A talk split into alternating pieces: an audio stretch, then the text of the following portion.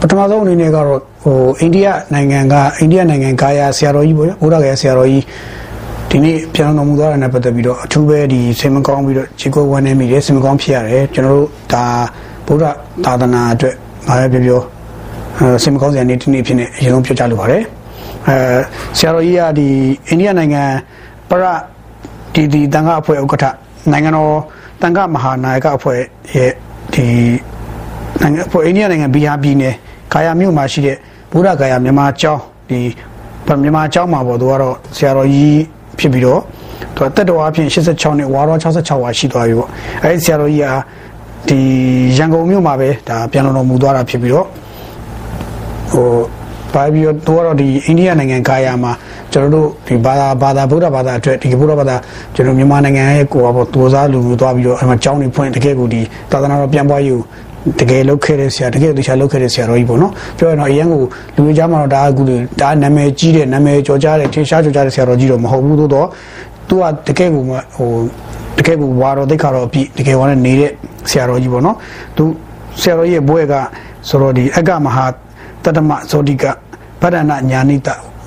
နော်ဗဒ္ဒနာညာနိတကိုဆရာတော်ကြီးပြန်တော်မူသွားတာဒါလေးတော့ကျွန်တော်တို့လည်းဒီဗုဒ္ဓဘာသာဝင်တယောက်အနေနဲ့ကတော့ဘာပြောဒါစိတ်မချမ်းသာစရာစိတ် ထဲမှာစိတ်မကောင်းဖြစ်ရတဲ့ဖြစ်ရလေးတစ်ခုဖြစ်နေတော့ဟိုပြောလိုပါတယ်အာအဲ့ဒါပြီးတဲ့နောက်မှာတော့ကျွန်တော်ကဘာပြောချင်လဲဆိုတော့ဒီနေ့အတွက် issue ကတော့အာဒီ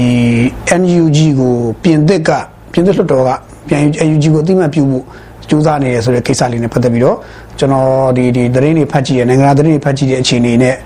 မြေပြင်အခြေအနေလေးတွေပေါ့နော်နောက်ပြည်တွင်းသတင်းဌာနတွေဖော်ပြနေတဲ့ပုံစံလေးတွေနဲ့ချိတ်ပြီးတော့ အဲကျွန်တော်နားလည်သလိုလေးပြောကြည့်ပါမယ်အဲ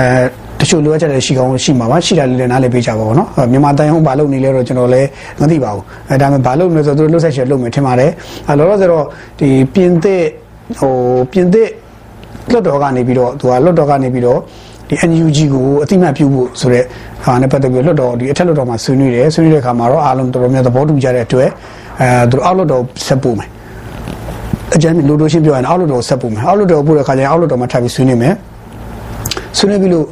ဆက်လို့တော့အောက်တော့2ရက်ပေါင်းအစည်းအဝေးမှာသဘောတူရဆိုရင်အဲ့ဒီဒီ NUG ကိုအသိမှတ်ပြုကြောင်းသဘောတူညီချက်ကိုယူပြီးတော့သူပြင်သစ်အစိုးရနဲ့ကထပ်ဆွေးနွေးမယ်ဆိုတော့အဲ့ဒီဖြစ်စဉ်တော့ process ကသွားနေပြီပေါ့လောလောဆယ်တော့ပြင်သစ်အထက်လွှတ်တော်မှာတော့သဘောတူညီရရသွားပြီအောက်လွှတ်တော်မှာတော့မကြခင်လာမယ်ဖြည့်ထွက်မယ်ပေါ့တခုလာမယ်ပေါ့နော်အဲ့ဒါပြီးရင်တော့သူကအဲ့ဒီတော်တော်နှစ်ရက်လုံးကသဘောတူပြီဆိုရင်တော့ဒီပြင်သစ်အစိုးရရှိဘူးပေါ့ပြီအဲ့တော့အစိုးရဘက်ကဘာဆက်လုပ်မလဲဆိုတာကတော့နောက်တစ်ဆင့်ပေါ့လေဆိုတော့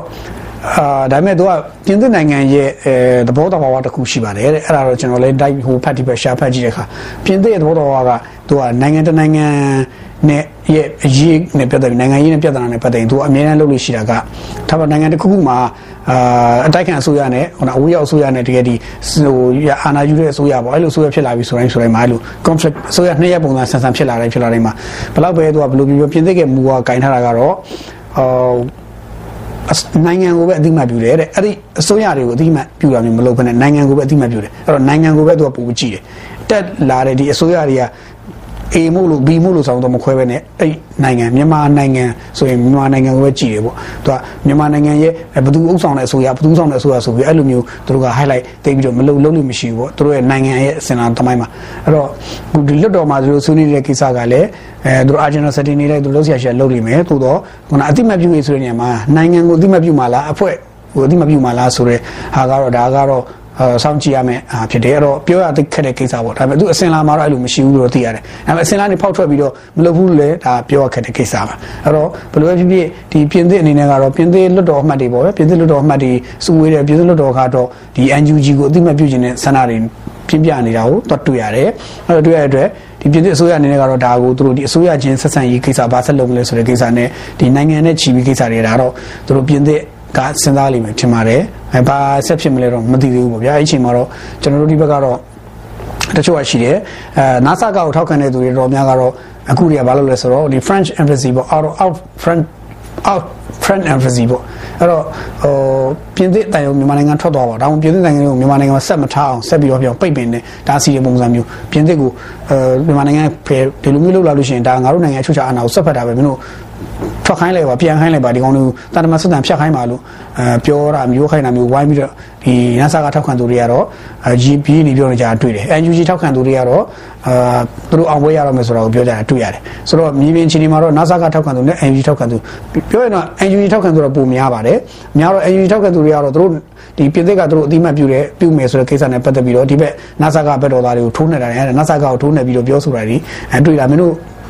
ဟောနေပေါင်းမဝင်ပါဘူးကွာပြောတာရှိတယ်အဲ့တော့ဒီဘက်ကလည်း NASA ကထောက်ခံသူတွေဘက်ကဒါကိုတော်တော်မကြည်မချမ်းဖြစ်တယ်သူတို့လူသူတို့အစိုးရသူတို့ကြည်မကြည်မချမ်းဖြစ်တယ်ပေါ့ဆိုတော့ထူးရတာက NASA ကထောက်ခံသူနဲ့ NUG ထောက် NUG ထောက်ခံသူတွေရဲ့ကြားထဲမှာထူးခြားတဲ့အချက်ကသူ NUG ထောက်ခံသူတွေကသူတို့ရဲ့ NUG ကောင်းဆောင်တွေဘာလို့လို့အကုန်လုံးနောက်ကနေ supporting ပေးတယ်မှားမှားမှန်မှန်အကုန် supporting ပေးတယ်လို့သူများအကုန်မှန်တယ်ပဲ supporting ပေးတယ်ဟိုတခုခုဆိုရင်ချက်ချင်းပြန်ကာတယ်ဖားတယ်ထိန်းတယ်ပေါ့ဗျအဲ့လိုကြာရအောင်သူတို့လုပ်တာ သူတို့အဲ့ဒီလိုမျိုးအားကောင်းတာတွေ့ရတယ် social media နဲ့လှုပ်ဆော်အားကောင်းတယ်ပြီးတော့ defend လုပ်တဲ့အားကောင်းတယ် marketing အားကောင်းတာတွေ့ရတယ် NASA ကထောက်ခံသူတွေဘက်မှာကြတော့သူတို့ကကြတော့ဒီတခုခုဆိုလို့ရှိရင်သူတို့အစိုးရအားနဲ့ချက်ကိုမြင်ပြီးတော့အဲ့အားပါ NASA ကခေါင်းဆောင်တွေကိုဒါပါတော့အပူလေးဘာလုပ်နေလဲလို့အပူလေးကဘာဖြစ်တာညာဖြစ်တာတော့အာကိုသိန်းရဲ့ဘာဖြစ်နေလဲစိတ်ဆိုးပြီးတော့အဲ့ NASA ကရဲ့ဟွာတွေကိုသူတို့ခေါင်းဆောင်တွေပဲပြောတာများတယ်အဲ့တော့ဒီဘက်ကိုသွားပြီးတော့ ပြောတာခဏထားအောင်ဒီဘက်ကပဲကိုယ့်လူအရင်စပြောတယ်အဲ့လိုတော့ထူးကြတာတော့တွေ့ရတယ်အဲ့နှစ်ဖွဲ့ကြားမှာထူးကြတာတော့တွေ့ရပါတယ်အဲ့တော့ဘယ်လိုဖြစ်ဒီလက်ရှိပြင်သစ်ရဲ့သဘောတရားပြင်သစ်ရဲ့ဒီလိုပြောပုံပြောနေရတော့ဒီပြင်သစ်ရဲ့လက်ရှိပြင်သစ်ကလာတဲ့သတင်းတွေမှာတော့ NUG ထောက်ခံသူတွေဘက်ကပျော်နေကြပြီးတော့နာဆာကထောက်ခံသူတွေဘက်မှာတော့မကြည်မချမ်းနေဖြစ်နေကြတာတော့ဒါကတော့မြင်ကူမြင်မှမြင်ရတဲ့မြင်ချင်းမြင်ခွင့်ပါအဲ့တော့နာဆာကထောက်ခံသူတွေပြောအောင်တော့နာဆာကတာဝန်ရှိသူတွေလောက်အောင်မှာဖြစ်ပါတယ်ဘာလို့သူ ကိစ္စသူသူ့လူတွေပြောအောင်တော့သူထားမှာဟုတ်ဗျသူ့လူတွေပြောအောင်တော့သူလုပ်ပေးရမယ့်တာဝန်ရှိတယ်။ဘာလို့လဲသူ့ထောက်ခံသူတွေကသူမထောက်ခံဖြစ်သူလည်းခံရမှာလေ။အဲ့တော့ဘယ်လိုဖြစ်ဖြစ်အဲ NUG ထောက်ခံသူနဲ့ NASA ကထောက်ခံသူတွေကြားမှာတော့ဒီနေရာမှာတော့ဒါဘာပြောတချမ်းတော့လို့ဆိုဟိုချမ်းပြောသွားပြီပေါ့ဗျာ။အဲ့လိုတော့တွေ့ရတယ်။ကျွန်တော်ဒီနေရာမှာနိုင်ငံတော်နဲ့နိုင်ငံတော်နဲ့ဒီဒီအစိုးရနဲ့ကိုကျွန်တော်ခွဲပြီးတော့ခွဲခြားစိတ်ဖြာပြခြင်းတယ်တခါတည်းညချို့အကြကျွန်တော်တို့ပြည်သူတွေရဲ့ အဲများသောဖြင့်ကျွန်တော်တို့အပါဝင်ပေါ့ကျွန်တော်အပါဝင်ပေါ့ဗျာအားလုံးကိုတခါတခါကျရင်သူများကိုလည်းညှို့ထုတ်မယ်ဆိုရင်ကျွန်တော်ကိုယ့်ကိုယ်အရင်လည်းညှို့ထုတ်ရတော့ကျွန်တော်အပါဝင်သူကအဲနိုင်ငံတော်နဲ့အစိုးရကိုကျွန်တော်မကွဲတာပြဿနာရှိတယ်ကျွန်တော်ရှိမှာနိုင်ငံတော်ဆိုတာကဒီမြန်မာနိုင်ငံကျွန်တော်တို့မွေးဖွားရာမြေကြီးမြန်မာကျွန်တော်တို့မွေးဖွားရာနေရာရှိတဲ့နေရာနိုင်ငံတော်အဲ့ဒါနိုင်ငံတော်ကျွန်တော်တို့မွေးဖွားရာနေရာရဲ့အဲ့ဒီ territory ပေါ့အဲ့ဒီဟာနိုင်ငံတော်ကအဲ့ဒါကျွန်တော်တို့နိုင်ငံဆိုတော့ နိုင်ငံကိုချစ်တာကောင်းသလားအစိုးရကိုချစ်တာကောင်းသလားလို့မေးရင်တော့အားလုံးဖြေမှာတညီလေးဖြေမှာနိုင်ငံတော်ကိုပဲချစ်တာအစိုးရကိုမချစ်ဘူးအဲ့ဒါဆိုရင်နောက်ထပ်မေးခွန်းထပ်လာမယ်အဲ့တော့အစိုးရကိုမချစ်ဘူးနိုင်ငံတော်ကိုချစ်တာဆိုရင်ကောင်းပြီ အစိုးရတွေဆိုတာကအပြောင်းလဲရှိတယ်နိုင်ငံတော်ကတတလုံးမပြောင်းအေးတခုတော့ကျနိုင်ငံတော်ကိုအချင်းချင်းစိတ်ပိုင်းပြီးဟိုတစ်ပိုင်းဒီပိုင်းကိတ်မခွဲသလိုခွဲယူခြင်းတော့လဲကျွန်တော်မသိဘူးပေါ့ဗျာကိတ်မခွဲသလိုအပိုင်းပိုင်းခွဲပြီးတော့အမွေရသလိုဘိုးဘွားပြည်ပြင်လက်ထက်ကလည်းအမွေရသလိုမျိုးကိတ်မခွဲခြင်းသလိုမျိုးအာအခြားလူတွေကလည်းသူတို့ပိုင်းသူတို့ဟာလိုလိုဘာလိုနဲ့ဟိုဝက်မစားတွေပေါ့ဗျာဝက်မစားတွေလည်းသူတို့သူတို့လူချင်းတဲ့ပုံစံမျိုးတွေလာပြီးတော့သူတို့လာဖဲ့ယူတာမျိုးဆိုရင်လည်းအဲ့လိုမျိုးမှပြည်ပြည်ရောပြီးပြီးပါတယ်ဆိုရင်တော့လေဒါကတော့လေအဲ ခင်ဗျားတို့ရဲ့နိုင်ငံတော်ချစ်တယ်မေးချစ်တယ်ဆိုတဲ့ဟာဟိုမေးခွန်းထုတ်ရပါပဲနိုင်ငံတော်ချစ်သလားဆိုတာအဲ့မေးခွန်းပေါ့နိုင်ငံတော်ကနိုင်ငံတော်ကတော့ပုံမှန်လင်းပြောရရင်ဘယ်တော့မှမပြောင်းလဲပါဘူးနိုင်ငံတော်ဆိုတာကျွန်တော်တို့အားလုံးရဲ့မွေးရက်မြေပါကျွန်တော်အားလုံးမွေးရက်မြေကျွန်တော်တို့အားလုံးရဲ့ခေါင်းချရမြေကျွန်တော်တို့အားလုံးအချင်းမြုပ်ရမြေဒါကျွန်တော်တို့နိုင်ငံတော်ပါအစိုးရဆိုတာကတော့ပုံမှန်လင်းပြောရင်အာအဆက်ဆက်ဘလောက်ပဲတက်လာတက်လာတက်လာအစိုးရတွေဆင်းပေးရတယ်အချိန်နဲ့သေးတာပဲလေအသက်တွေကြီးနောက်ဆုံးဘလောက်ပဲအာဏာယူတော့အသက်တွေကြီးသေးသွားတာသေးသွားဆင်းပေးရတာပဲ ဘယ်လို့မှဘယ်လို့မရပါဘူးအဲ့တော့နိုင်ငံတော်မှာကနိုင်ငံတော်ကဆက်ရှိနေပါတယ်အဲ့တော့ပြောရရင်ကျွန်တော်နိုင်ငံရဲ့နိုင်ငံတော်အကြောင်းပြောရင်ဟိုးတမိုင်းစစ်ဆက်ကိုသွားရတော့မယ်အဲတမိုင်းစစ်ဆက်သွားရင်လည်းအချင်းချင်းချကြအောင်မယ်အာမော်နဲ့ဗမာနဲ့ပြူနဲ့အာရှုပ်ချက်ခတ်နဲ့ရက်ခတ်စုံနေတာပဲဗျာအဲ့တော့ရှမ်းအဲ့လိုပေါ့ရှမ်းစော်ဘွားတွေမော်ဘရင်တွေရခိုင်ဘရင်တွေနဲ့ပကိုးဘရင်အုတ်သားဘင်းစုဖြုံလုံးနေမှာအဲ့တော့တမိုင်းကြောင်းထိပြောဖို့ကြတော့ကျွန်တော်လည်းအဲ့တော့မွေးတာမဟုတ်တော့ကျွန်တော်လည်းမသိဘူး ပြီးတော့အဲ့တော့မွေးရလို့အဲ့မှာရှိကြလို့အဲ့အကြောင်းအခုနေကျွန်တော်အဲကျွန်တော်ပြန်ပြီးတော့ဗျာဟိုအတိတ်ဘဝမှတ်မိတဲ့လူတယောက်ဖြစ်နေမယ်ဆိုရင်တော့ကျွန်တော်အဲ့အကြောင်းပြန်အောင်ပြောချင်သေးချင်မဟုတ်ပါဘူးဆိုပြီးသွားပြီဘာမှမလုပ်လို့မရတဲ့ကိစ္စကြီးကိုအဲ့တော့မပြောတော့ဘူးပြင်လို့မရတော့နောက်ကျွန်တော်မျိုးဆက်ကရှေ့မှာရှိတဲ့အကြောင်းအရာတွေအမှားတွေကိုသင်ခန်းစာယူတဲ့ ယူပြီးတော့ကျွန်တော်တို့လက်ထက်မှာမဖြစ်အောင်နောက်မျိုးဆက်တွေလက်ထက်ကိုလက်ဆင့်ကမ်းခဲ့တဲ့ကလက်လွှဲပေးခဲ့တဲ့ခါကျရင်ကျွန်တော်လက်ထက်ကပေးခဲ့တဲ့အစုပ်ကြီးပဲပေးခဲ့မှာလားအကောင့်တွေပေးခဲ့မှာလားဘာလဲဘာကိုပေးခဲ့မှာလဲဆိုတာပဲကျွန်တော်စဉ်းစားတယ်အဲ့တော့ပြီးသွားတဲ့အတိတ်တွေမှာထိုင်ပြီးတော့ဟိုလူကိုလက်ညှိုးထိုးဒီလူလက်ညှိုးထိုးဟိုလူထိုးဒီလူအဲ့လက်ညှိုးထိုးလို့ပြီးသွားရင်လက်ညှိုးထိုးလို့တိုင်းပြည်တိုးတက်သွားတယ်ဆိုရင်ကျွန်တော်လည်းထိုးမယ်ရိုးလေးပဲကျွန်တော်လည်းထိုးမယ်ကျွန်တော်ထိတ်ဆုံးရင်တန်းစီထိုင်ထိုးမယ်ဟိုကောင်ကြောင့်ဟိုကောင်ကြောင့်ဟိုကောင်ကြောင့်လက်ညှိုးထိုးထိုးလို့သိကောင်းတာပါဆိုသူများကိုထိုးရတာသိကောင်းတာဟုတ်ပြလက်ညှိုးဆိုတာအဲ့တော့ အတိတ်သမိုင်းတွေပြောရရင်နိုင်ငံတော်အကြောင်းပြန်ပြောလို့အတိတ်သမိုင်းပြောမယ်ဆိုရင်ကျွန်တော်လွတ်လပ်ရေးရပြီးတဲ့ကာလပဲပြန်ဆကြပါစို့ဗျာဟိုးဟိုချောင်းပြောတော့လွတ်လပ်ရေးရတဲ့အချိန်မှာအင်္ဂလိပ်စီရင်ကျွန်တော်လွတ်လပ်ယူတဲ့အချိန်မှာတည်းတောင်တန်းပြည်မှာစပြဿနာတက်နော်ကွဲအဲ့တော့ဟိုတောင်တန်းပြည်မှာဗိုလ်ချုပ်ဆန်းတောင်တန်းပြည်မှာတပေါင်းစည်းရဲ့ယူဖို့ဗိုလ်ချုပ်ဆန်းတော့သူကတော့ဥဆောင်စူးစမ်းပေးလို့တောင်တန်းပြည်မှာတပွဲတပေါင်းစည်းရဲ့ဒီလွတ်လပ်ရတယ်ပေါ့ဗျာအဲ့လိုရပြီမဲ့ပြဿနာကအဲ့ဒီလွတ်လပ်ရေးဟာကိစ္စလည်းနော်ကျွန်တော်တခုပြောအောင်မယ်ကျွန်တော်တို့ဒီဒီပြင်သစ်နဲ့အင်္ဂလိပ်တို့ မြန်မာပြည်ဟိုစက်ကူပိုင်းလေးစက်ကူလေးစက်ကူဆိုင်လေးဆွဖြဲသလိုဆွဖြဲဖို့ကြိုးစားကြတယ်မြန်မာပြည်နှစ်ပိုင်းပိုင်းလည်းပြလိုက်ပိုင်းပြီးတစားတီတို့လိုချင်သလိုဖဲ့ယူဖို့ကြိုးစားတာမသိရင်ဗျာကျွန်တော်တို့ကဟိုတို့ရဲ့ဒီဟိုဘာလဲပြောမစင်ဟိုပကံပြားပေါ်ကဟင်းပွဲလေးကြာနေတာကြုံသလိုကောက်စားဖို့ကြိုးစားနေတာဗျာအင်္ဂလိပ်နဲ့ပြင်သစ်နဲ့အဲ့လိုလုပ်ပြီးတော့ဟို ပြင်သစ်ကိုဆိုရင်လို့အင်္ဂလိပ်ကအသေးအံမထူးဆိုကပ်ပြီးသိနေအမှတချို့တွေကပြင်သစ်တချို့တွေအင်္ဂလိပ်တချို့တွေကနန်းတွင်းထဲမှာချင်းချင်းလိမ့်အာသူတို့ချင်းချင်းဘယင်ကိုဟိုတို့ဒီတို့ဝင်ကြီးတွေဟိုတို့ဒီတို့ဟိုပေးဒီပေးနေနောက်ဆုံးမှကြာတခါတည်းဟိုကိုယ်ဝင်ကြီးတွေကိုယ်နိုင်ငံသားတွေသက်ဆက်ပေါက်တွေဖြစ်လို့ဖြစ်မှမသိကိုယ်နိုင်ငံကိုကျွန်းဆက်သွင်းလို့သွင်းမှမသိကိုယ်အစဉ်ပြေးပြီးရောဆိုလှုပ်ချရတာအဲ့မှာတခါတည်းအာနာအကုန်ပါသွားရောအားလုံးကစူဖျားလက်နဲ့ဒီဝမင်းလက်ညှိုးသာဝိုင်းထိုးတာဟိုကဘယင်နေခမများဖြင့်ပွင့်လင်းပြောရင်သူတို့ကလက်ညှိုးထိုးတာဘယင်နေခမများဖြင့်အီရန်ကောင်းကောင်းမပါတဲ့ဘောကဘယင်ဆိုတာ လူတွေမသိတာဘယင်ဆိုတာအီရန်ကောင်းကောင်းပါလို့မရဘူးပွင့်လင်းပြောရင်အဲ့တော့ထားပါလိတရားတော့ပြောရလဲမောပါတယ်အဲ့တော့ဒီအဲ့မှာတည်းကအင်္ဂလိပ်နဲ့ပြင်သစ်ကကျွန်တော်တို့မြန်မာပြည်ကိုတို့ရဲ့ဒီဟင်းပကံတွေကပလိတ်ပြားလေးလိုမျိုးဟင်းပကံဟင်းပကံဘောကဟင်းပွဲလေးပကံများဘောဟင်းပွဲလေးလိုပဲကျုံတလို့ဟိုဘက်နာဓားလေးနဲ့လှီးလိုက်ခရဲလေးနဲ့ထိုးလိုက်ဟိုဝါလေးနဲ့စော့ဓားလေးနဲ့ဟိုဇောင်းလေးနဲ့ကလော်လိုက်နဲ့ကျုံတလို့စားကျင်တလို့စားအပိုင်းလိုက်ခွဲပြင်ပြီးလုပ်ခဲ့တဲ့ခစ်တခစ်ပြင်သစ်တွေပါတယ်ဗျာအဲ့တော့အဲအဲ့လိုရှိခဲ့တယ်ဆိုတော့ဟိုအဲ့ရနေကဘိုးချုပ်ဆန်းလက်ယူပြီးယူပေးပြီးတဲ့အချိန်တွေကကျွန်တော်တို့ တက်လာတဲ့အစိုးရတွေပြပြမယ်ဥနုလို့တက်လာတယ်ကဲဥနုကိုတက်တလုံးအုပ်ချုပ်သွားလို့ရလို့လားသေတဲ့ထိအုပ်ချုပ်သွားလို့ရလို့လားဥနုလည်းမရခဲ့ပါဘူးကောင်းပြီဥနုနေရာနေပြီးလူလိုက်တယ်ဥနေဝင်ကလူတယ်ဥနေဝင်ကတက်တလုံးသေတဲ့ထိအာနာသူရသွားတာထင်လို့လားအစိုးရ तू ကအစိုးရဥနုကလည်းအစိုးရအစိုးရကောင်းဆောင်အစိုးရကောင်းဆောင်နိုင်ငံတော်တို့အပိုင်လုပ်လို့မရဘူးပေါ့အဲ့ ချက်ခေတ်တို့အုပ်ချုပ်စင်ကာလမှာတို့လှုပ်ချင်တယ်လုပ်မယ်တို့အစီအပြေတို့လှုပ်ချင်တယ်လုပ်မယ်ပေါ့ဗျာဒါပေမဲ့နိုင်ငံတော်တော့တို့ဖြုတ်ချင်တိုင်းဖြုတ်ပယ်ချင်တိုင်းပယ်တစားစီလုပ်လို့မရဘူးလေလုပ်ခွင့်မရခဲ့ဘူးမရလည်းမရဘူးလုပ်လည်းမလုပ်ကြဘူးထင်ပါတယ်လုပ်တော့မလုပ်တော့မသိဘူးပေါ့ဗျာတိုးတော့ဥနုတတလုံးတို့အုပ်ချုပ်လို့မရဘူးသူလည်းအာဏာသိမ်းခံလိုက်ရတာပဲဟုတ်ပြီဥနေဝင်ဥနေဝင်တတလုံးအုပ်ချုပ်လို့ရတာဆိုတော့မရဘူးကဲဥနေဝင်ကနေပြီးတော့နောက်ဆုံးဘာလဲဥစောမောင်လက်ထက်ရောက်ပြရတယ်ဥစောမောင်ရလားမရဘူးဥနေဝင်ကဥစောမောင်ခြားထဲမှာလည်းတခါတမရတွေသူ့ဘာသူစိတ်ကြိုက်တင်တာရှိသေးတယ် စိတ်စိတ်ကြိုက်တင်ပြီးတော့ပြတာရှိနေတဲ့အတွက်ဘယ်လိုပဲဖြစ်ဖြစ်ဘာဖြစ်ပြောကျွန်တော်တို့ကစဉ်းစားရတာကဟိုနိုင်ငံတော်ကိုနိုင်ငံတော်ကို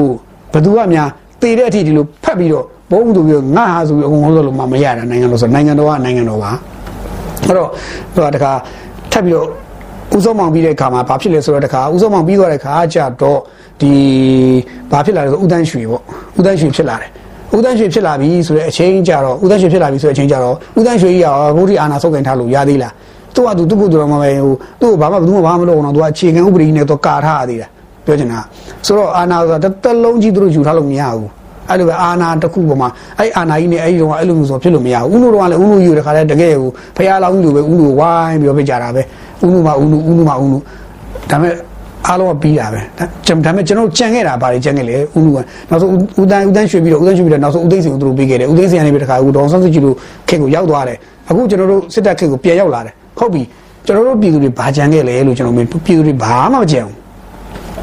ကျွန်တော်မျိုးသက်တွေလက်ထက်မှာဘာကြံခဲ့လဲဘာမှမကြံဘူးအဲ့တော့ဘာလို့လဲဆိုတော့ကြံအောင်လုပ်ဖို့လိုတာကျွန်တော်တို့ပြည်သူတွေကိုယ်တိုင်ကသိဖို့လိုတာနိုင်ငံကောင်အာဏာကိုယူလိုက်တဲ့ခေါင်းဆောင်တွေအကုန်လုံးက ရှင်းရှင်းလေးပြောရင်အဲ့ဒီလူတွေအကုန်လုံးကအချိန်တိုင်းဆင်းသွားရမှာဆင်းကိုဆင်းရမှာတနည်းနည်းမို့ဆင်းကိုဆင်းရမှာဘယ်ကောင်ဘလို့ယူဆင်းကိုဆင်းရမှာတနည်းနည်းသူတို့ကိုယ်တိုင်စိတ်သဘောထားကမထူးငါတို့ဆင်းမှာဖြစ်တော့မလို့မြင်လို့ဆင်းတာပဲဖြစ်ဖြစ်ဟိုတခုအရာဖီးယားတခုကြောင့်ဆင်းတာပဲဖြစ်ဖြစ်သူတို့ဟိုဒီမိုကရေစီခေတ်အရာပဲဖြစ်ဖြစ်ဘာကြောင့်ဖြစ်ဖြစ်ဆင်းကိုဆင်းရအာနာဆိုတာရေဘွက်ပမာပဲရေဘွက်ပမာပဲဆိုတော့ဟိုမနေ့တနေ့အထိကဩဇာတ ခါတည်းကြီးလူတွေအချုပ်ခန်းတန်းရောက်နေရလဲရှိတာပဲဩဇာဆိုတာအာနာဆိုတာအာနာဆိုတာရေဘွက်ပမာပဲသမုတ်တွေကထက်မှတက်တဲ့ရေဘွက်လေးပမာပဲဘာမှမဟုတ်ဘူးအဲ့တော့အဲ့ဒီအာနာကိုဆုတ်ကိုက်ထားတဲ့အဲ့ဒီနိုင်ငံရေးခေါင်းဆောင်တွေစီးရေးခေါင်းဆောင်တွေကလည်းဟိုအဲ့သူတို့ရဲ့ထောက်ခံသူတွေကိုသူတို့ကကြီးထွားလာအောင်လုပ်တယ်မွေးမြူတယ်သူတို့ထောက်ခံသူကြီးထွားလာမွေးမြူတယ်မွေးမြူမွေးမြူနေမှားတဲ့ခါကျလို့ရှိရင်ဘာဖြစ်လာလဲဆိုတော့တိုက်ပြည်ကပြက်တာပဲဆိုတော့ကျွန်တော်ဘလုံးမွေးမြူမှာလဲကျွန်တော်တို့ထောက်ခံတဲ့ပြည်သူတွေဘလုံးမွေးမှာလဲဆိုတော့အဲ့ဒီခေါင်းဆောင်တွေရဲ့စဉ်းစားဝန်ဆန်းတွေကမှန်ကန်ဖို့လို့သူတို့ခေါင်းဆောင်တွေစဉ်းစားဝန်ဆန်းတွေမှားပြီဆိုတာနဲ့ တိုက်ပြည်လည်းကျွန်းပြန်လာပဲအဲ့ပြည်သူတွေအကုန်လုံးကျွန်းပြန်လာအဲ့တော့တချို့ကပြောတယ်အာပြည်သူတွေရဲ့မော်ဖြစ်တာမဟုတ်ဘူးပြည်သူတွေကိုအဲ့ခေါင်းဆောင်တွေကသူတို့ထောက်ခံတဲ့ထောက်ခံထောက်ခံတဲ့ပြည်သူတွေကိုအဲ့ခေါင်းဆောင်တွေကတတ်တာအဲ့သူတို့ထောက်ခံတဲ့ပြည်သူတွေဘဝအဲ့ခေါင်းဆောင်တွေကတတ်တာငါထောက်ခံနေပြီးရောငါထောက်ခံနေအဝါပြောင်းပြီးရောဆဲလည်းပြောမပြောဘူးတက်လည်းမပြောဘူးဖြတ်လည်းမပြောဘူးမသိကြအောင်ဆောင်ပေးနေတာဆိုတော့အဲ့ဒါလိုခက်ကြီးနဲ့ကျွန်တော်တို့တွေခက်ဆက်ဆက်ဖြတ်တန်းတာအဲ့တော့ကျွန်တော်တို့တွေဟုတ်ပြီကျွန်တော်တို့တွေအရွယ်တွေကနေပြီးတော့ကျွန်တော်တို့မျိုးဆက်လက်ထဲကိုလက်ကမ်းမယ်ကျွန်တော်ဒီကနေပြည်သူတွေကိုမေးကြည့်ချင်တာရိုးရိုးလေးပါ ခင်ဗျားတို့ဆိုရင်ရောနောက်မျိုးဆက်တွေကိုလက်ထဲကိုဘာကြီးထည့်မှာလဲနောက်မျိုးဆက်လက်ထဲဘာထည့်မှာလဲအမုန်းတရားတွေထည့်မှာလား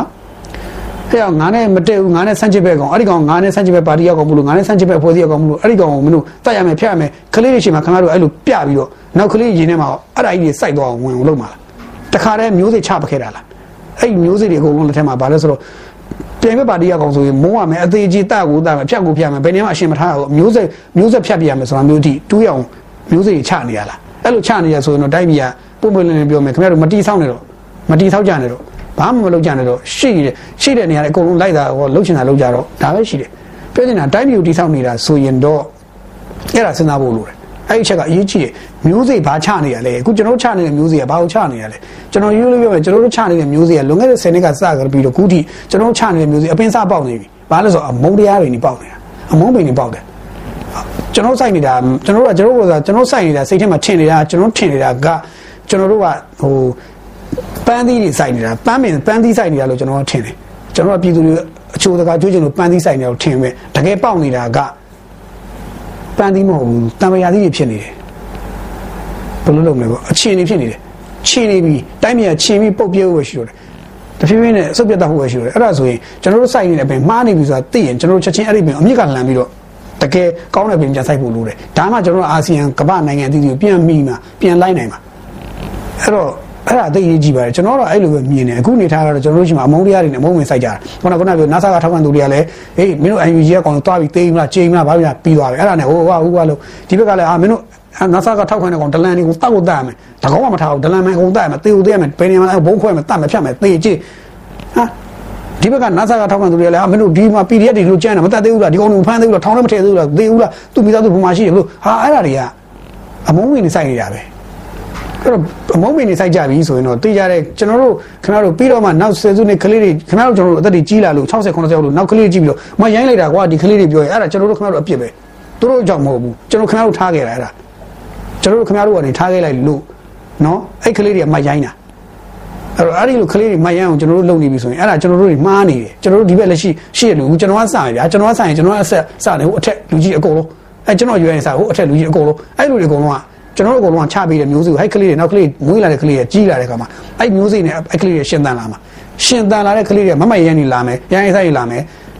လူလူလူမမြင်တဲ့စိတ်တွေဖြစ်လာမယ်အရင်ဆိုင်တွေတော်တော်ဝါတွေဖြစ်လာမယ်အဲ့ကြရင်ကျွန်တော်ဘယ်လိုလုပ်ကြမလဲတိုင်းပြည်ဘယ်လိုတိဆောက်ကြမှာအဲ့တိုင်းပြည်ကတိဆောက်နေတာမဟုတ်တော့ဘူးပြက်ဖြက်နေတာအဲ့တော့သွားပြီလို့ကျွန်တော်မှတ်တယ်တကျွန်တော်တို့အရင်ကတစ်ခေါက်ပြောမှုကြတယ်ထင်တယ်အတိတ်မှာပြောမှုကြတယ်ဘာလဲဆိုတော့ဘာလဲဟို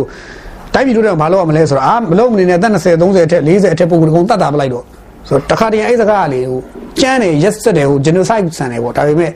တခါကြရင်လေပြန်တွေးကြည့်မှန်တယ်လို့အောင်ပြောလို့ရပါဆိုမရတော့ဘူးကျွန်တော်တို့ရှေ့မှာရှိတဲ့ခေါင်းဆောင်တွေရှေ့ကကျွန်တော်တို့ရှေ့စီနီယာခေါင်းဆောင်ကြီးခေါင်းဆောင်ကြီးအကုန်လုံးကချနေတဲ့မျိုးပစ္စည်းကိုပြီးခဲ့တဲ့ဆိုတော့လက်ထက်20လုံးမှာကြည့်လိုက်တစ်ဖက်တစ်ဖက်ဆဲတာကိုရရက်စက်ခွင့်ပြုပေးထားခဲ့တယ်ပပစစတယောက်တော့ပြောနေတာတွေကိုခွင့်ပြုပေးထားပြဘယ်ခေါင်းဆောင်ကမှမရိုင်းတာမကောင်းပါဘူးဆိုတော့ဘယ်ခေါင်းဆောင်မှမတားခဲ့ကြဘူး ဘယ်ဘက်ကခေါင်းဆောင်မှမတောက်ဘယ်နိုင်ငံခေါင်းဆောင်မတောက်ဘယ်စေးခေါင်းဆောင်မှမတောက်ဘယ်သူမှမတောက်ပြီးခဲ့တဲ့ဆယ်နှစ်တော့နိုင်ငံရေးခေါင်းဆောင်တွေခက်ကောင်းတဲ့ခက်ဘယ်နိုင်ငံရေးခေါင်းဆောင်မတားခဲ့ကြဘူးတယောက်တယောက်ကိုတက်ကြမယ်ဖြတ်ကြမယ်တက်ရမယ်ဖြတ်ရမယ်တေးရမယ်ကြည်ရမယ်ဆိုစကားတွေကိုပဲထက်ခါထက်ခါပြောနေတာအဲ့ဒီပါတီကိုဆိုရကြမရှိအောင်စုပ်ပြတ်အောင်ပြောဒီပါတီဆိုရကြအောင်စုပ်ပြတ်အောင်ပြောဟာဘယ်လိုလဲပြောနေနီပိန်းတို့ဖုတ်ခွေးတို့အဖုတ်စိန်တို့ဖုတ်တို့စုံရစစ်ခွေးတို့နီးပိန်းလို့ခေါ်ရဗျာစစ်ခွေးလို့ခေါ်ရဗျာထမိန်ချုံနွားလို့ခေါ်ရဗျာကဲဟိုဘက်ကလည်းတခါဟိုဟိုဗာလဲဟိုဖွတ်ကြံကြံဖို့ဖွတ်ကြံဖို့ပေါ့ ဘောမှာအစုံရအဲ့စကလုံးတွေတုံးနေတာကိုတောက်လျှောက်အဲ့လိုတုံးပြီးတော့ကလေးစီတွေမှာအဲ့စကလုံးတုံးနေမယ်လူရဲ့ကြိုက်အဲ့စကလုံးတုံးတာကသူကတုံးလိုက်တာကိုက social ကြတယ်တကယ်ကိုဒါခက်မိတယ်တကယ်ဘာဖြစ်လဲဆိုတော့အဲ့လိုကလေးတွေမြင်အောင်ကိုမသိကြအောင်ဆောင်လှုပ်ပေးထားသလိုဖြစ်နေတော့အဲ့စကလုံးတွေကိုလည်းမပန်းဘူးဘာမှမပြောဘူးအဲ့တော့မင်းတို့လွတ်လွတ်လပ်လပ်ဆဲစီကွာလို့တဆိုင်ကနိုင်ငံရေးဟိုအဲ့ဆယ်နှစ်တည်းမှာဆယ်နှစ်ပြီးခဲ့ဆယ်နှစ်တည်းမှာအဲ့လိုနိုင်ငံတွေတိဆောက်ပြီးခဲ့သလိုဖြစ်သွားတော့အခုဘာဖြစ်လဲအကုန်လုံးအခုပြောနေကြထမိန်ချုံနွားဘောမစစ်ခွေးနီပိတ်နီပိတ်အာစုံနေရပဲ တားပြီပေါ့နောက်တက်လာတဲ့ကလေးကိုလည်းအဲ့တိုင်းပဲလာတော့မှအဲ့စကလုံးတိုင်းပဲသွားပြီပေါ့ကျွန်တော်တိုင်းပြည်ကသွားပြီဆိုတော့အဲ့ကြောင့်ကျွန်တော်ကတိုင်းပြည်နဲ့ပတ်သက်ရင်လက်ရှိလုပ်နေတဲ့သူတွေတိဆောက်နေရလားမြင်ကျွန်တော်ဖြတ်နေရလို့ပဲမြင်တယ်တိဆောက်နေလို့မမြင်ဘူးလက်ရှိလုပ်နေတဲ့သူတွေအကုန်လုံးဒါဝိုင်းဖြတ်စည်းနေရတယ်ပဲကျွန်တော်မြင်တယ်။ဒါတော့ဘာလဲဆိုတော့လက်နဲ့ရှိရောလက်နဲ့ကိုအားကိုးကြတာဘယ်ဘက်ကလဲလို့မင်းနှစ်ဖက်စလုံးကရှင်းရှင်းလေးပြောရှင်းရှင်းလေးပြောလက်နက်ရှိတယ်လက်နက်ကိုအားကိုးကြတယ်ရန်ကားရိုင်းဆိုင်တဲ့အကျင့်တွေနဲ့ပဲဖျက်ဆီးဖို့ကြိုးစားတာ လူနဲ့လူနဲ့တယောက်တယောက်ဗျာသဘောထားမတူတော့ဒီလိုထိုင်ဆွေးနွေးတော့မရဘဲနဲ့သဘောထားမထထိုးတော့မထဇွတ်ဆိုလုပ်လိုက်တာမျိုးဆိုရင်တော့အဲ့ဒါတိုင်းပြည်ဆိုတာမဟုတ်ဘူးဗျတယောက်တယောက်ဆွေးနွေးလို့ရတယ်စကားနဲ့ရှင်ပြောလို့ရတယ်ရှင်ပြောပြီးတော့မှဒါမှမဟုတ်ဒီလိုဒါဒီလိုဒါဒီလိုအပြန်အလှန်ပြောပြီးတော့မှမဟုတ်ဘူးငါတို့ပူပေါင်းတိဆောက်လို့ရတာရှိပူပေါင်းတိဆောက်မယ်ဆိုတော့မူကိုဘာလို့မချရကြလဲအစကတည်းကမျိုးစီဘာလို့မချရလဲတကယ်ဒါပြီးခဲ့တဲ့10နှစ်အတွင်းကခေါင်းဆောင်တွေနိုင်ငံရေးခေါင်းဆောင်တွေဒီစေရေးခေါင်းဆောင်တွေကစေတနာတကယ်ရှိရင်တိုင်းပြည်တကယ်စေတနာတကယ်ရှိရင် အကုန်လုံးအတ္တတွေလျှော့ကြလိမ့်မယ်ကိုကိုပိုင်အတ္တတွေလျှော့ကြလိမ့်မယ်ရိုးရိုးလေးပဲတချို့ကပြောတယ်အာဘသူကပူအတ္တကြီးတာအတ္တကြီးတာတစ်ချက်ဖို့ပဲကြီးကြီးတစ်ဆယ်ဖို့ပဲကြီးကြီးတတ္တကြီးတာကြီးတာပဲသူကြီးပဲမှန်နေတာမရှိသလိုသူကြီးပဲမှားတယ်လည်းမရှိဘူးဘယ်ရမှသူကြီးပဲထလုံးမှန်တာမရှိတဲ့အတွက်ကျွန်တော်ကတော့ကျွန်တော်အယုံကြည်ယူဆတော့ရှင်းရှင်းလေးပြီးခဲ့တဲ့ဆယ်စုနှစ်တစ်ခုအတွင်းမှာတိတ်နှမျိုးစရာကောင်းခဲ့တယ်ကျွန်တော်တို့က ခေါင်းစဉ်တက်တော့အမျိုးသားရင်ကြားစေးပြီးလည်းပြီးတော့ရင်ကြားမစိနိုင်တဲ့ဟိုကျွန်တော်တို့ဟိုဗာလေဒီဘီယာဘိုင်းနဲ့ဘီယာဘိုင်းနဲ့လူကြီးလိုမျိုးအမျိုးသားရင်ကြားစေးရင်ကြားမစိဘူးစားတာများတော့ဟုတ်ဗျဘယ်ရင်ကြားစိနိုင်တော့မှာစားကြတာဟုတ်ဗျစားကြတော့ဘလို့မှရင်ကြားစိလို့မရဘူးလေတင်စားဝိကြုံလို့ဖြစ်နေတာရင်ကြားစိလို့မရဘူးကျွန်တော်တို့နိုင်ငံနော်အဲ့တော့ဘာပဲပြောပြောကျွန်တော်နိုင်ငံတိဆောက်မှုကပျက်စီးမှုတွေကိုဥတည်နေတယ်ဆိုတော့ပြောချင်တာပါအဲ့တော့ပြင်သစ်ကိစ္စဆိုလဲဒါပဲပြောချင်တာကျွန်တော်တို့နိုင်ငံကဟိုနိုင်ငံတကာရဲ့ agenda setting ထဲမှာ point ဖြစ်နေတာပြောလို့သိကောင်းတယ်ဗျာဒီနိုင်ငံကြောင်းပြောလိုက်ပတ်စံတောင်းလိုက်ဒီနိုင်ငံကြောင်းပြောလိုက်ပတ်စံတောင်းလိုက်ဒီနိုင်ငံကြောင်းပြောလိုက်ပတ်စံတောင်းလိုက်ဒါအရှင်းရှင်းလေးပဲဒီနိုင်ငံကြောင်းကိုထင်ရဆိုင်လှုပ်ချင်တယ်လို့ပြောချင်တယ်လို့ပြောပြီးတော့ဖန်ရှာဖို့ကြိုးစားနေတာနိုင်ငံပေါင်းစုံဘင်္ဂလားဒေ့ရှ်ကဟိုမှာရှစ်ခါစီနာတော့ခင်ဗျာဟိုဒီဒီဒီဘင်္ဂလီတွေကိစ္စပြောလိုက်ဟိုမှာ humanitarian aid ဆိုပြီးလာလိုက်တန်း100တန်း90တခါတည်းဘင်္ဂလားဒေ့ရှ်ကသိမ့်ပိုင်နေတာအဲ့ပတ်စံနေအားလုံးသတင်းတွေဖတ်ကြည့်တကယ်နိုင်ငံသားတွေလိုက်ဖတ်ကြည့်အဲ့ဘင်္ဂလားဒေ့ရှ်ကိုထောက်ပံ့နေငွေပြီးဘင်္ဂလီအရေးထောက်ပံ့နေငွေနဲ့နဲ့တော့မဟုတ်ဘူးအားလုံးပေါင်းလိုက်ရင်ဆယ်စုနှစ်တခုလုံးမှာဘီလီယံနဲ့ချီနေပြီဘယ်လိုလုပ်မလဲ အဲ့တော့တို့ကဒီနိုင်ငံကလူတွေကိုလူထားပါတော့လူ5 6သိန်း9သိန်းဒီနိုင်ငံပြေးလာတယ်ဆိုတော့ခေါင်းစဉ်နဲ့5 6သိန်း9သိန်းကိုလက်ခံတယ်ဆိုတော့ခေါင်းစဉ်နဲ့အဲ့ဒီလူတွေအတွက်ခေါင်းစဉ်တက်ပြီးဘီလီယံနဲ့ချီပတ်စံနေတို့ကအစာလေးယူထားတာတောက်လျှောက်ရနေနှစ်တိုင်းရလတိုင်းရတောက်လျှောက်ရနေလေတိုင်းတိုင်းရနေတာပွဲပြီးသွားပြီပေါ့ပြောချင်တာကိုကျွန်တော်နိုင်ငံတဲပြီးလှုပ်ရှားနေကြတာဗျာကျွန်တော်နိုင်ငံမသိရင်ပဲဟိုပါဗါလေမြောက်ပြဆန်တောင်းခံရတဲ့ဘဝရောက်နေကျွန်တော်နိုင်ငံအဲ့တော့အဲ့လိုပုံစံဖြစ်နေတော့ကျွန်တော်တို့နိုင်ငံတို့ကရင်နာဖို့တော့တကယ်ကောင်းပါတယ်အဲ့တော့ကျွန်တော်တို့နိုင်ငံရဲ့လူထုကလည်း တကယ်ပြဿနာပြတကယ်ပြဿနာနော်အဲ့တော့ဒီဒီနောက်တစ်ခုကကျွန်တော်တို့ဒီမှာဟိုထူးခြားတဲ့သတင်းလေးတစ်ခုစိတ်ဝင်စားလို့တစ်ခုလေးထည့်ပြလိုက်ပါမယ်ဘာလို့ဆိုတော့တရုတ်ကအမေရိကန်ဆော်တယ်ဗျာဘာဆော်လဲဆိုတော့အမေရိကန်ဟာတဲ့ဒီမိုကရေစီနဲ့လူအခွင့်အရေးကိုကာကွယ်စောင့်ရှောက်သူတွေအဖြစ်အပေါ်ယံအဖြစ်ယက်တည်ကြပါတယ်တဲ့ဒါပေမဲ့တကယ်တမ်းတော့သူတို့ဟာဒီမိုကရေစီနဲ့လူအခွင့်အရေးကိုအကြီးအကျယ်ဖျက်ဆီးနေကြသူတွေပဲဖြစ်ပါတယ်အမေရိကန်ရဲ့အမေရိကန်ရဲ့ဟိုဒီဒီဒီလိုပုံစံတွေကို မလိမ့်တစ်ပတ်တန်တမန်ပြည့်ရကိုသူကဘသူကလဲဆိုတော့တရုတ်ရဲ့ဒီကုလသမဂ္ဂဆိုင်ရာအမြဲတမ်းကိုယ်စားလှယ်ကပေါ်တင်ဖဲ့တာနိုင်ငံတကာသတင်းနဲ့မပေါ်တင်ဖဲ့တာပေါ်တင်ဖဲ့တာဖဲ့ရဲတာဒါပေမဲ့ကျွန်တော်နိုင်ငံကတော့နိုင်ငံတကာဝါတော့ငင်ခံနေရတဲ့ကြိတ်ခံနေရတဲ့ပဲမတတ်နိုင်ဘူးပေါ်တင်သူကပေါ်တင်ဖဲ့လို့ရတဲ့အဆင့်ရောက်သွားပြီဗျအင်အားကြီးတာဟုတ်ဗျဘာလို့ဆိုအင်အားကြီးရဆိုအမေရိကန်က new လက်နဲ့ခုန new new လက်နဲ့ထိပ်ဖူးတက်တဲ့ဒုံးကြီးပေါင်း3950ရှိတယ်။ကန်စင်သားကြီးအဲ့ဒုံးကြီး3950နိုင်ငံပေါင်းမှာ200တောင်မပြည့်ဘူး။ တနိုင်ငံနှလုံးပဲလွတ်ကုန်ပြီးပြကြသွားပြီ။အဲ့ဒုံး3950 3950ရှိတယ်။အဲ့တော့ကျွန်တော်တိုင်းပြည်ကသွားပြီပေါ့ဗျာ။ဟိုဒီလိုမျိုးအင်အားကြီးတဲ့နိုင်ငံပြီးတော့သူအဲ့ American ပြီးရင်ကျန်တဲ့နိုင်ငံတွေကြတော့ပိတ်တယ်။ဟိုကမလုပ်နဲ့ဒီကမလုပ်နဲ့ new လက်နဲ့ကိုမလုပ်ရလို့သူခုနတော့ခုနဖြည့်ဆည်းပြပါဆိုမဖြည့်ဆည်းဘူး။ तू ကတော့ထိန်ဆုံးကရှိတော့ရုရှားကလည်းရှိတယ်အမေရိကန်လည်းရှိတယ်တရုတ်ကလည်းရှိတယ်တရုတ်ကတော့နဲတယ်အိန္ဒိယလည်းရှိတယ်အိန္ဒိယနဲတယ်မြောက်ကိုရီးယားရှိတယ်အီရန်ရှိတယ်ကဲအဲ့လိုရှိတဲ့နိုင်ငံကြောင့်အမေရိကန်ဘာမှမပြောဘူးပါစပ်ကိုပိန်ကြောက်လဲနိုင်ငံတကာအကုန်လုံးကလည်းဘာမှမပြောကြောက်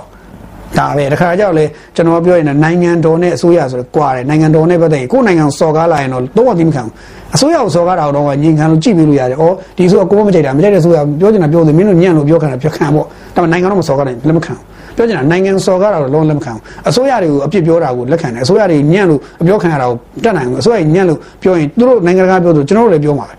ပေမဲ့ နိုင်ငံတော်စော်ကားတာဆိုရင်တော့လုံးဝဒါသိခံလို့မရတဲ့ကိစ္စအခုကနိုင်ငံတော်ကိုကျွန်တော်နိုင်ငံကိုနိုင်ငံပေါင်းစုံကစော်ကားနေစော်ကားနေမသိဘူးများကျွန်တော်တို့ကဘာလဲဆိုတော့ဟိုဟိုဟာလို့ဖြစ်နေကျွန်တော်တို့ကဘာလဲဆိုတော့ဟို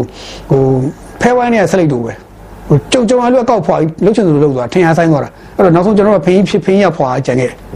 နိုင်ငံ